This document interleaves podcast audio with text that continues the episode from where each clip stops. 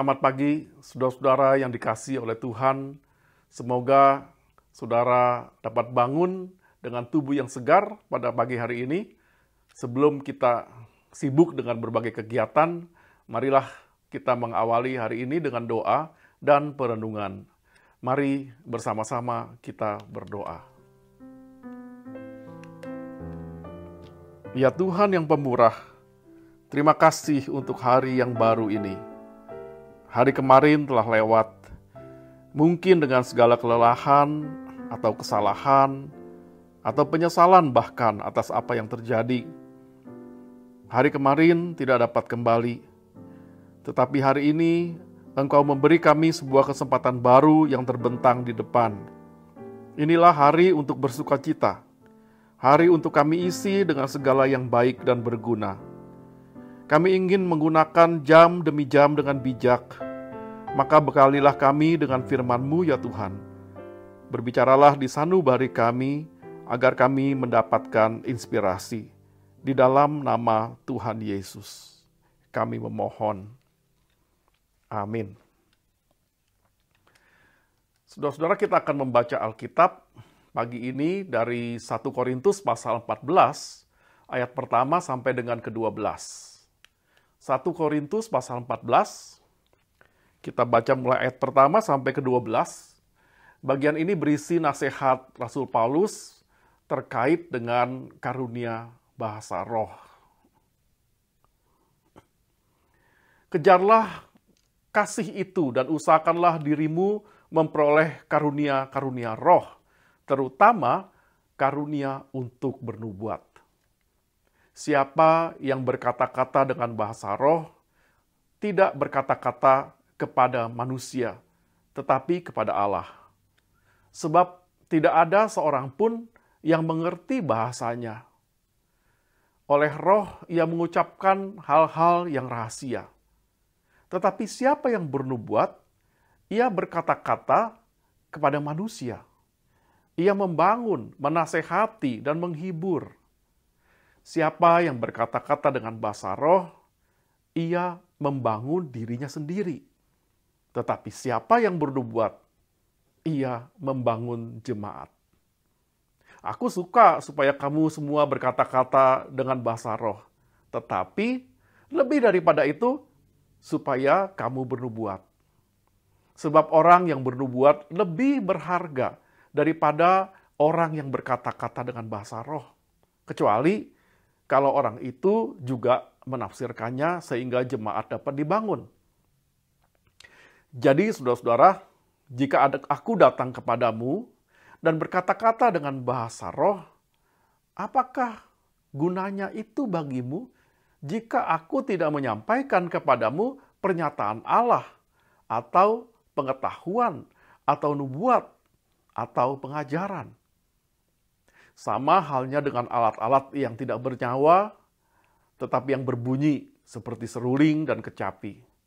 Bagaimanakah orang dapat mengetahui lagu apa yang dimainkan, seruling atau kecapi, kalau keduanya tidak mengeluarkan bunyi yang berbeda? Atau jika nafiri tidak mengeluarkan bunyi yang terang, siapakah yang menyiapkan diri untuk berperang? Demikianlah juga kamu yang berkata-kata dengan bahasa roh. Jika kamu tidak mempergunakan kata-kata yang jelas, bagaimanakah orang dapat mengerti apa yang kamu katakan? Kata-katamu sia-sia saja kalau diucapkan di udara. Ada banyak, entah berapa banyak macam bahasa di dunia. Sekalipun demikian, tidak ada satupun di antaranya yang mempunyai bunyi yang tidak berarti. Tetapi jika aku tidak mengetahui arti bahasa itu, aku menjadi orang asing bagi dia yang mempergunakannya. Dan dia orang asing bagiku. Demikianlah pula kamu memang berusaha untuk memperoleh karunia-karunia roh.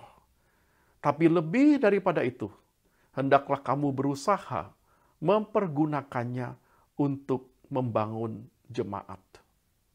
Demikianlah firman Tuhan. Saudara-saudara, pernah di suatu masa saya ingin sekali bisa berbahasa roh. Serius. Ini kejadiannya jauh sebelum saya masuk ke sekolah teologi. Waktu itu sesekali saya menghadiri sebuah persekutuan di mana beberapa anggotanya itu bisa berbahasa roh dan menggunakannya di dalam doa. Ketika berdoa, mulut mereka komat kamit, mengucapkan kata-kata yang misterius, dengan mata tertutup, dengan raut muka yang sangat kusuk, dan tangan yang terangkat. Saya merasa kagum, terpesona melihat mereka. Seperti menyaksikan mukjizat Tuhan di depan mata. Dan mereka ini tampak rohani sekali. Dan menurut anggota-anggota persekutuan yang lain, mereka yang bisa berbahasa roh ini adalah orang-orang yang sudah betul-betul dipenuhi roh kudus. Level kerohanian mereka lebih tinggi daripada kita yang doanya cuma biasa-biasa saja. Jadi wajar kan kalau saya juga pengen bisa berbahasa roh. Siapa yang nggak pengen, saudara, kehidupan spiritual kita naik kelas, menjadi selevel dengan mereka itu. Jadi saya meminta, memohon Tuhan mengaruniakan bahasa roh itu lama, berkali-kali, dengan berbagai cara, dengan sungguh hati. Namun tidak mendapatkannya. Sampai akhirnya ketika saya masuk ke sekolah teologi, eh, seseorang eh, seorang dosen bule itu mengajak kami membedah kitab 1 Korintus dari awal sampai akhir. Dari situ menjadi jelaslah mengapa dan untuk apa Tuhan memberi, memberikan karunia roh. Juga menjadi jelas bahwa ternyata bahasa roh itu bukan karunia yang paling hebat. Dan sama sekali bukan merupakan tanda kedewasaan rohani seseorang. Pembicaraan tentang bahasa roh itu paling jelas ada di 1 Korintus pasal 14. Perikop yang tadi baru kita baca. Di sini Paulus membandingkan antara karunia bahasa roh dengan karunia bernubuat. Keduanya berbeda sekali.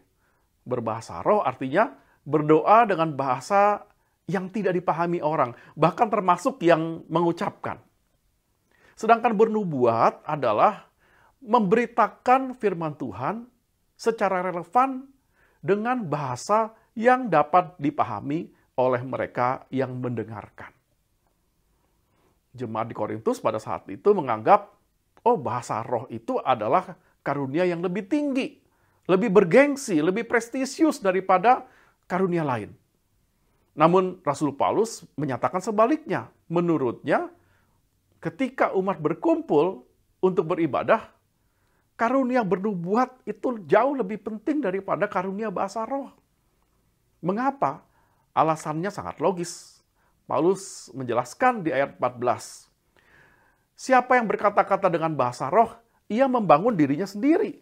Tapi siapa yang bernubuat, dia membangun jemaat. Menurut Paulus, kalau seseorang berbahasa roh dalam sebuah persekutuan, dia sebenarnya sedang sibuk dengan Tuhan dan dirinya sendiri. Orang lain yang di sekitarnya cuma bisa berdecak kagum, terpesona melihat kok dia bisa ya berbahasa roh. Tapi ya cuma itu saja efeknya. Orang tidak dibangun. Orang di sekitarnya tidak mendapatkan sesuatu dari dia ketika dia berbahasa roh. Berbeda sekali kalau orang ini bernubuat, artinya menyampaikan firman dengan bahasa yang bisa dimengerti oleh umat kata-kata yang dia ucapkan itu bisa membawa berkat bagi setiap orang yang mendengar dia, yang ada di sekitarnya. Dengan memakai bahasa sehari-hari, perkataannya bisa membangun, menghibur, menasehati, dan menyentuh hati. Nah, sejak memahami 1 eh, Korintus 14 ini, saudara, saya tidak lagi memohon untuk bisa berbahasa roh yang saya mohon dari Tuhan adalah supaya Tuhan mengaruniakan kepada saya karunia, karunia bernubuat. Yang saya maksud bukan karunia untuk meramalkan masa depan. Karunia bernubuat di sini artinya karunia untuk dapat menjelaskan firman Tuhan atau teks Alkitab yang sudah 2000 tahun yang lalu itu menjadi sesuatu yang baru, yang relevan dengan situasi sekarang, dengan bahasa yang mudah dipahami oleh setiap orang. Saudara-saudara, ada banyak sekali karunia roh yang Tuhan berikan kepada setiap kita. Bukan cuma karunia berbahasa roh dan bernubuat. Ada karunia untuk mengajar, menunjukkan kemurahan, menasehati, dan yang lain-lain. Bahkan bakat dan talenta yang kita miliki itu juga termasuk karunia Tuhan. Bahkan kekayaan atau apa pun yang kita punya. Sebetulnya semua itu juga karunia Tuhan. Yang penting bukan berapa banyak karunia yang kita punya, melainkan apa yang akan kita lakukan dengan karunia-karunia itu. Pesan Alkitab hari ini mengingatkan bahwa karunia-karunia diberikan bukan untuk dipamerkan, melainkan untuk dimanfaatkan. Bukan, bukan untuk kepentingan diri sendiri, tapi untuk kepentingan sesama, untuk membangun orang lain. Sadar atau tidak, orang sering kali jatuh dalam godaan untuk memamerkan karunia-Nya. Pamer karunia.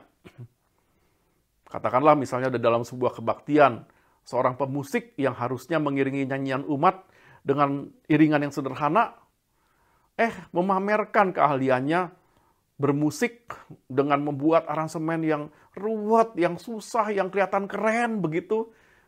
Apa tujuannya supaya memukau umat? Supaya umat kemudian memuji-muji. Kamu hebat sekali kok bisa main musik seperti itu. Itu pameran karunia. Atau bisa jadi seorang anggota paduan suara menyanyi dengan suara yang sangat lantang. Lebih menonjol dari teman-temannya di anggota paduan suara itu. Apa tujuannya? Supaya perhatian orang tertuju kepadanya. Ini juga namanya pameran karunia. Nah, kebiasaan suka memamerkan karunia ini makin berkembang subur sejak munculnya media sosial.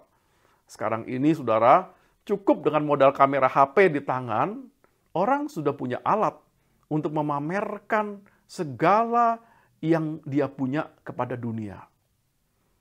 Coba aja deh lihat tayangan-tayangan di YouTube atau di TikTok. Atau lihat foto-foto Instagram atau Facebook.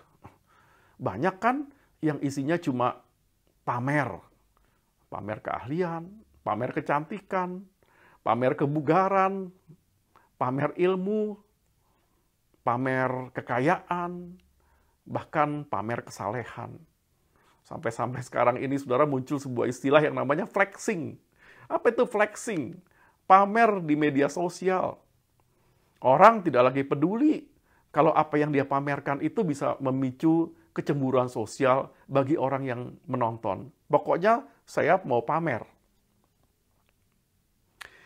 Sebuah karunia diberikan bukan untuk dipamerkan, tetapi untuk dimanfaatkan bagi kepentingan bersama. Jadi, makin banyak karunia yang kita punya, harusnya makin besar pula tanggung jawab kita untuk berbuat sesuatu bagi orang di sekitar kita.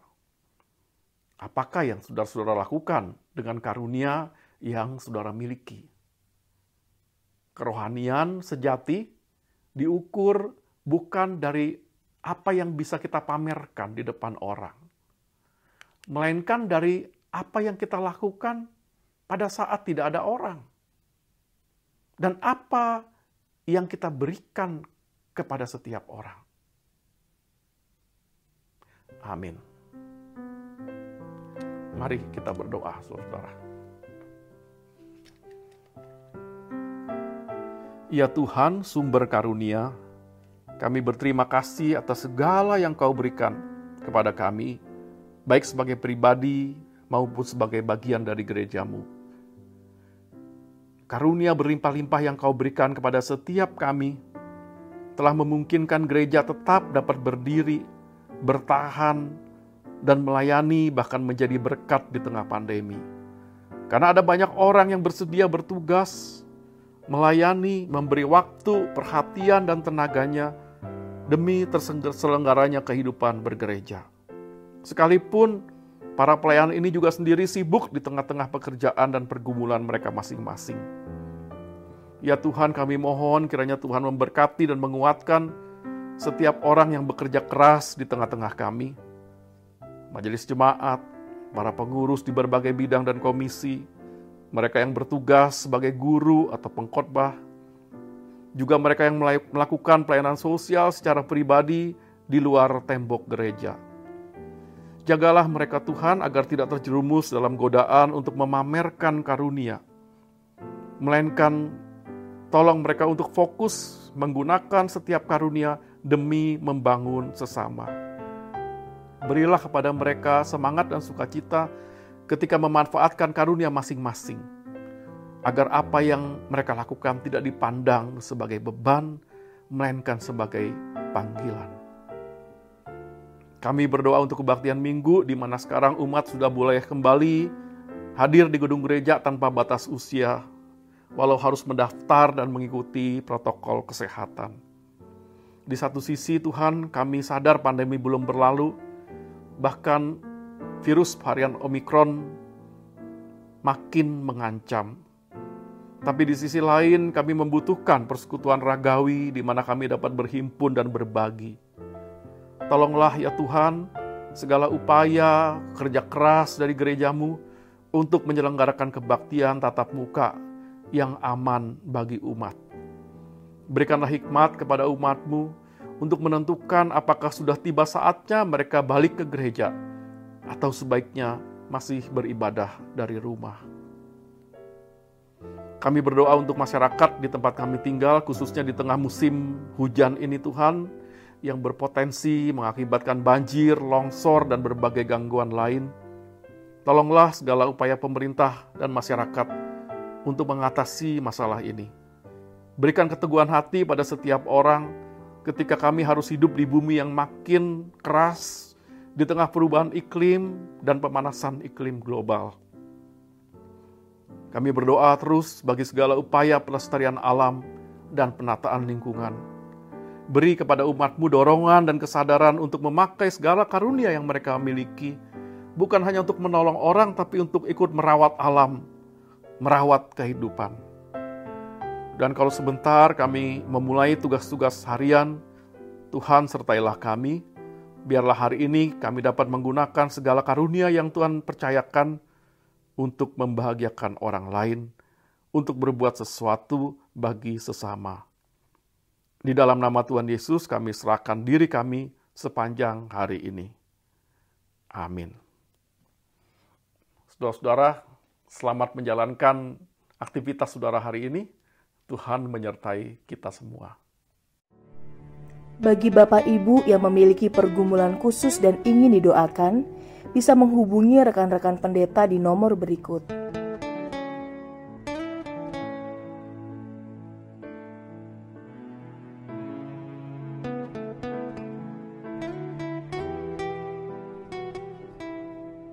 Tuhan Yesus memberkati. Bagi Bapak Ibu yang memiliki pergumulan khusus dan ingin didoakan, bisa menghubungi rekan-rekan pendeta di nomor berikut.